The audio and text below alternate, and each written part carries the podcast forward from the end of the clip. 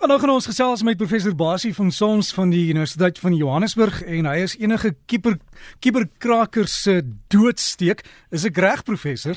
Nee, asseblief, net te bring my in die moeilikheid man. Uh, ek is maar 'n gewone dom akademikus, maar nog nogtans. Ja, maar julle probeer maar. Julle is daarom bewus van alles wat plaasvind. Ja, ons bewus daarvan en ons probeer dit aan ons studente oordra en ek dink ons is nogal suksesvol daarmee.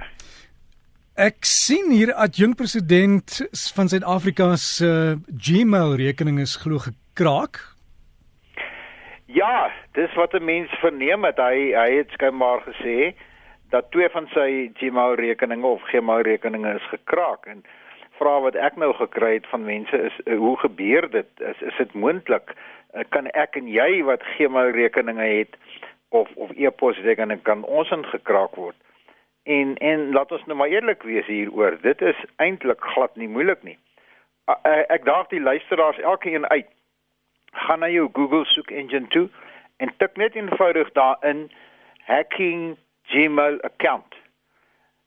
Ek het na 4 bladsye met antwoorde en en en opsies het ek opgehou. In ander woorde, daar is letterlik honderde. Dan gaan jy nog, dan gaan dan gaan tik jy in rent 'n hacker to crack 'n Gmail account. Dan kry jy bladsy bladsy. Jy kan hulle op die op die internet gaan huur. Die koste is van 50 dollar af en meer. Kan vir jou enige Gmail rekening kraak. So, nee, dis nie moeilik nie. Hoe syne gekraak is, weet ek nie. Uh die die hele kwessie is hulle hulle probeer jou altyd uitvang deur sosiale uh manipuleringstegnieke deur vir jou e-posse te stuur, maar eintlik tegnies gesproke kan ek nou vir jou as ek wil in 'n paar sinne verduidelik hoe om dit te doen.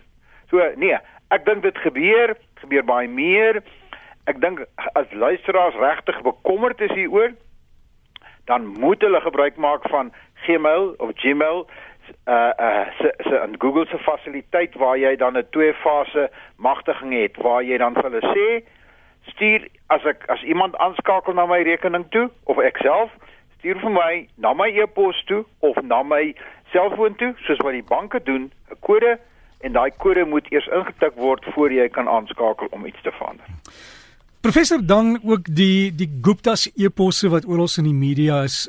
Waar kom daai e-posse vandaan? Is dit maar 'n soortgelyke geval? Hier dink ek dis 'n bietjie meer van 'n georkestreerde geval in my persoonlike opinie. Daar's nog nêrens regtig gesê hoe hulle dit in die hande gekry het en waar dit vandaan kom nie. Maar in die geval sou ek dink dat daai eposse heel waarskynlik nie moontlik was dit, maar ek dink die kans is nogal dat dit nie noodwendig Gmail of of kom ons sê openbare tipe epos rekeninge was nie maar meer maatskappyrekeninge. En dit beteken dus as 'n mens met die bietjie inligting wat jy het, sou dit kon beteken dat die betrokke maatskappye waar hierdie eposse ontstaan het en waar hulle gestuur is dat daai stelsels gekraak is. Nou daar's baie spekulasie hieroor. Maar ek dink wat 'n mens moet aanvaar is dat is dat iemand het dit gedoen en ek dink iemand buitekant Suid-Afrika. Dis nou maar net my gevoel iemand buitekant Suid-Afrika het hierdie hierdie maatskappy dan sodanig of wie ook al of watter rekeninge ook al gekraak en dit beskikbaar gestel aan die mense wat dit daarna aan ons en aan my en aan die res van die land beskikbaar gestel het. So, die punt is weer eens jy is nooit veilig nie of jy nou 'n Gmail rekening het en of jy gebruik maak van jou werk se e-posse, onthou dis nie veilig nie. Dit gaan terugkom en dit gaan jou byt op 'n stadium. So wees verskriklik versigtig wat jy skryf en sê en doen daar buite in die kuberruimte.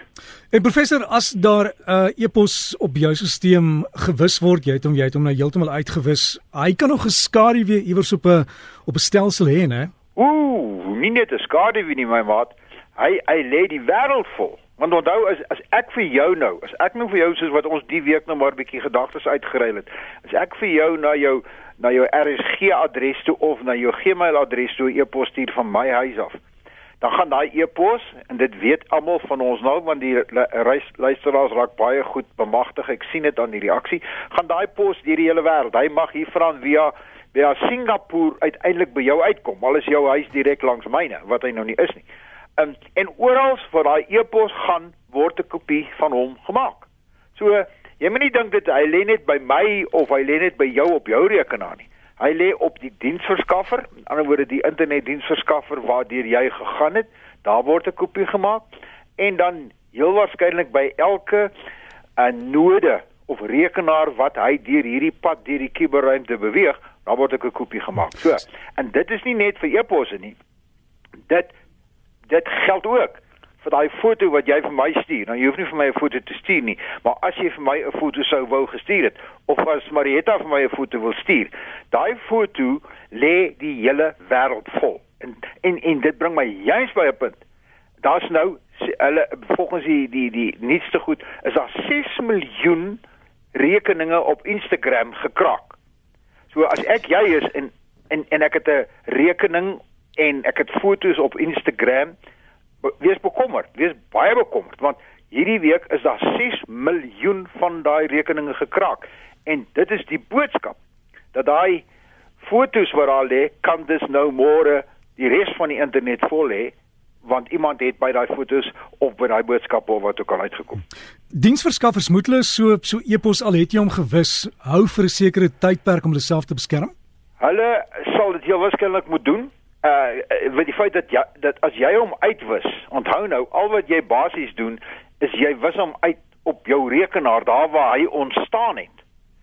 Um, as jy hom uitwis, weet heel waarskynlik weet jou diensverskaffer nie eers dat jy hom uitgewis het nie want daar's biljoene e-posse wat elke dag deur hierdie diensverskaffers gaan.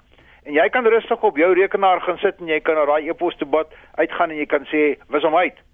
Uh jy vul hom uit. Maar hoe weet die diensverskaffer verskaffer jy vir hom uit? Jy kan vir hom 'n e-pos stuur en sê vul hom uit, maar dit gaan een van miljoene wees wat hy kry. En tereg mag hy dan nou sê dat hy hy moet hom vir 'n ruk hou want veronderstel daai e-pos boodskap was uh, het het kriminele uh, wortels gehad en die polisie kom môre by hulle en sê hoorie maar maar maar ek het vir jou 'n e-pos gestuur wat in wat kriminele moontlikhede het. Hulle soek dit vir getuienis. Dan gaan daai diensverskaffer van jou gaan moet sê goed meneer die nasionale vervolgingsgesag of wie ook al um, ek sal dit vir jou gee. Hy moet heel waarskynlik moet hulle sekere um uh uh waarborge of sekere uh, dokumente van van die polisie kry volgens die wet op die onderskepping van inligting. Maar ja, hy's daar, hy gaan daar lê, jy kan hom nie aan kry. Professor, ek dink aan die Keniaanse regering se verkiesing wat nou uh, plaasgevind het. Dink jy hy's hy's gekraak? Ja, ek is redelik seker daarvan as jy mooi gaan kyk wat die Keniaanse Hooggeregshof nou gesê het toe hulle nou die die uh, uh, verkiesing onwettig verklaar het. Ehm um, het hulle gesê daar was onreëlmatighede. En die die dag na daai verkiesing klaar was, het die eerste beskuldigings gekom. Lyk my wat daar gebeur het met die bietjie wat 'n mens kan lees. Dis 'n redelike nuwe elektroniese uh, stemstelsel wat die Keniaanse regering ingevoer het. Dit wat beteken dat die die resultate is elektronies vasgelê en elektronies, dit wil sê op rekenaars versend na die verskillende plekke toe, maar is ook met die hand gedoen. En ek dink wat die Keniaanse Hooggeregshof gesien het en en en uitgevind het is dat die resultate wat op die met die elektroniese been langs gekom het het nie geklop met die resultate wat met die gewone papierbeen langs gekom het nie. En ek het so gevoel dis wat wat gebeur het. En jy moet onthou dat die aand of die naweek voor die vorige verkiesing is die hoof verkiesingsbeampte van die Keniaanse verkiesingskommissie vermoor en hulle beweer hy's gemartel. En dis waar die hele ding ontstaan dat die die vermoede is baie sterk en ek dink daar's waarde in dat hulle by hom voor voor hy nou jy weet die ewige met die kuberruim verwissel het, het het hulle vir hom gesê wat is jou toegangswoorde? Hoe kan ons in die stelsel inkom? Hoe kan ons aanteken na die stelsel toe? En hy het dit heel waarskynlik vir hulle verskaf en hulle wie ook al hierdie kuberrotte was, het dit begin gebruik om daai elektroniese resultate aan te pas en dis waar die hele probleem ontstaan het. Nou hoop mense net dat met die tweede ronde gaan dit beter gaan, maar dit stuur ook 'n groot rookwolk en 'n groot rooi vlag vir my en vir jou en vir die res van die wêreld. Want gaan kyk maar. Hoeveel lande op die oomblik tref spesiale maatreëls om hulle elektronies gebaseerde stemstelsels te beskerm van Noorwe af dwars deur Europa ensovoorts ensovoorts. Die Amerikaners het reeds die gevolge gedra daarvan. As ons begin praat daarvan dat ons oor 'n jaar of 2 'n elektroniese stelsel wil hê, jy weet, gaan ek sê ek ryk nou al 'n rot nog voor ons begin het daarmee. En dit laasens jy het ook 'n rot geryk professor uh, met die Harvey storms in Amerika en mense het lekker geld gemaak uit, né? Hulle maak nou nog baie goed geld en en vir elke een van die luisteraars daar buite.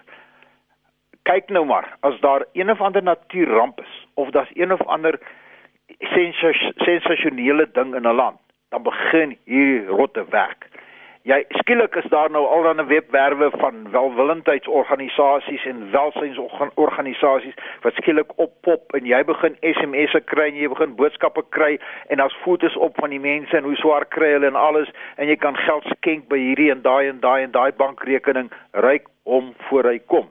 Wees verskriklik versigtig. Dit is wêreldwyd bekend dat na een of ander groot ramp of dit nou 'n vliegtuigramp was en of dit nou 'n brand was en of dit wat ook al was, dan begin hierdie ouens die geleentheid op opportuniste begin die geleentheid totaal uitbuit. So die waarskuwing daar. As so iets gebeur of as jy begin sulke uitnodigings kry om te skenk vir die dinge, daai dinge, daai ding, doen bietjie jou navorsing. Maak seker dat jy nie geld gee vir die rotte nie.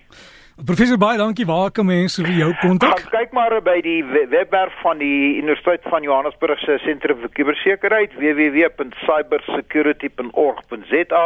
Baie interessante inligting ook vir ouers wat belangstel in in hulle kinders of kinders wat belangstel in om in hierdie rigting studeer en as jy vir my iets wil stuur, rsgbasie@gmail.com en as my rekening gekraak is en ek kan glad nie waarborg dat dit nie die geval is nie. Moenie vir my jou foto stuur nie, ek wil dit nie sien nie. Stuur maar net vir my 'n mooi vraagie. En so gesels ons met professor Basie van Solomon sê en daai webtuiste cybersecurity.org.za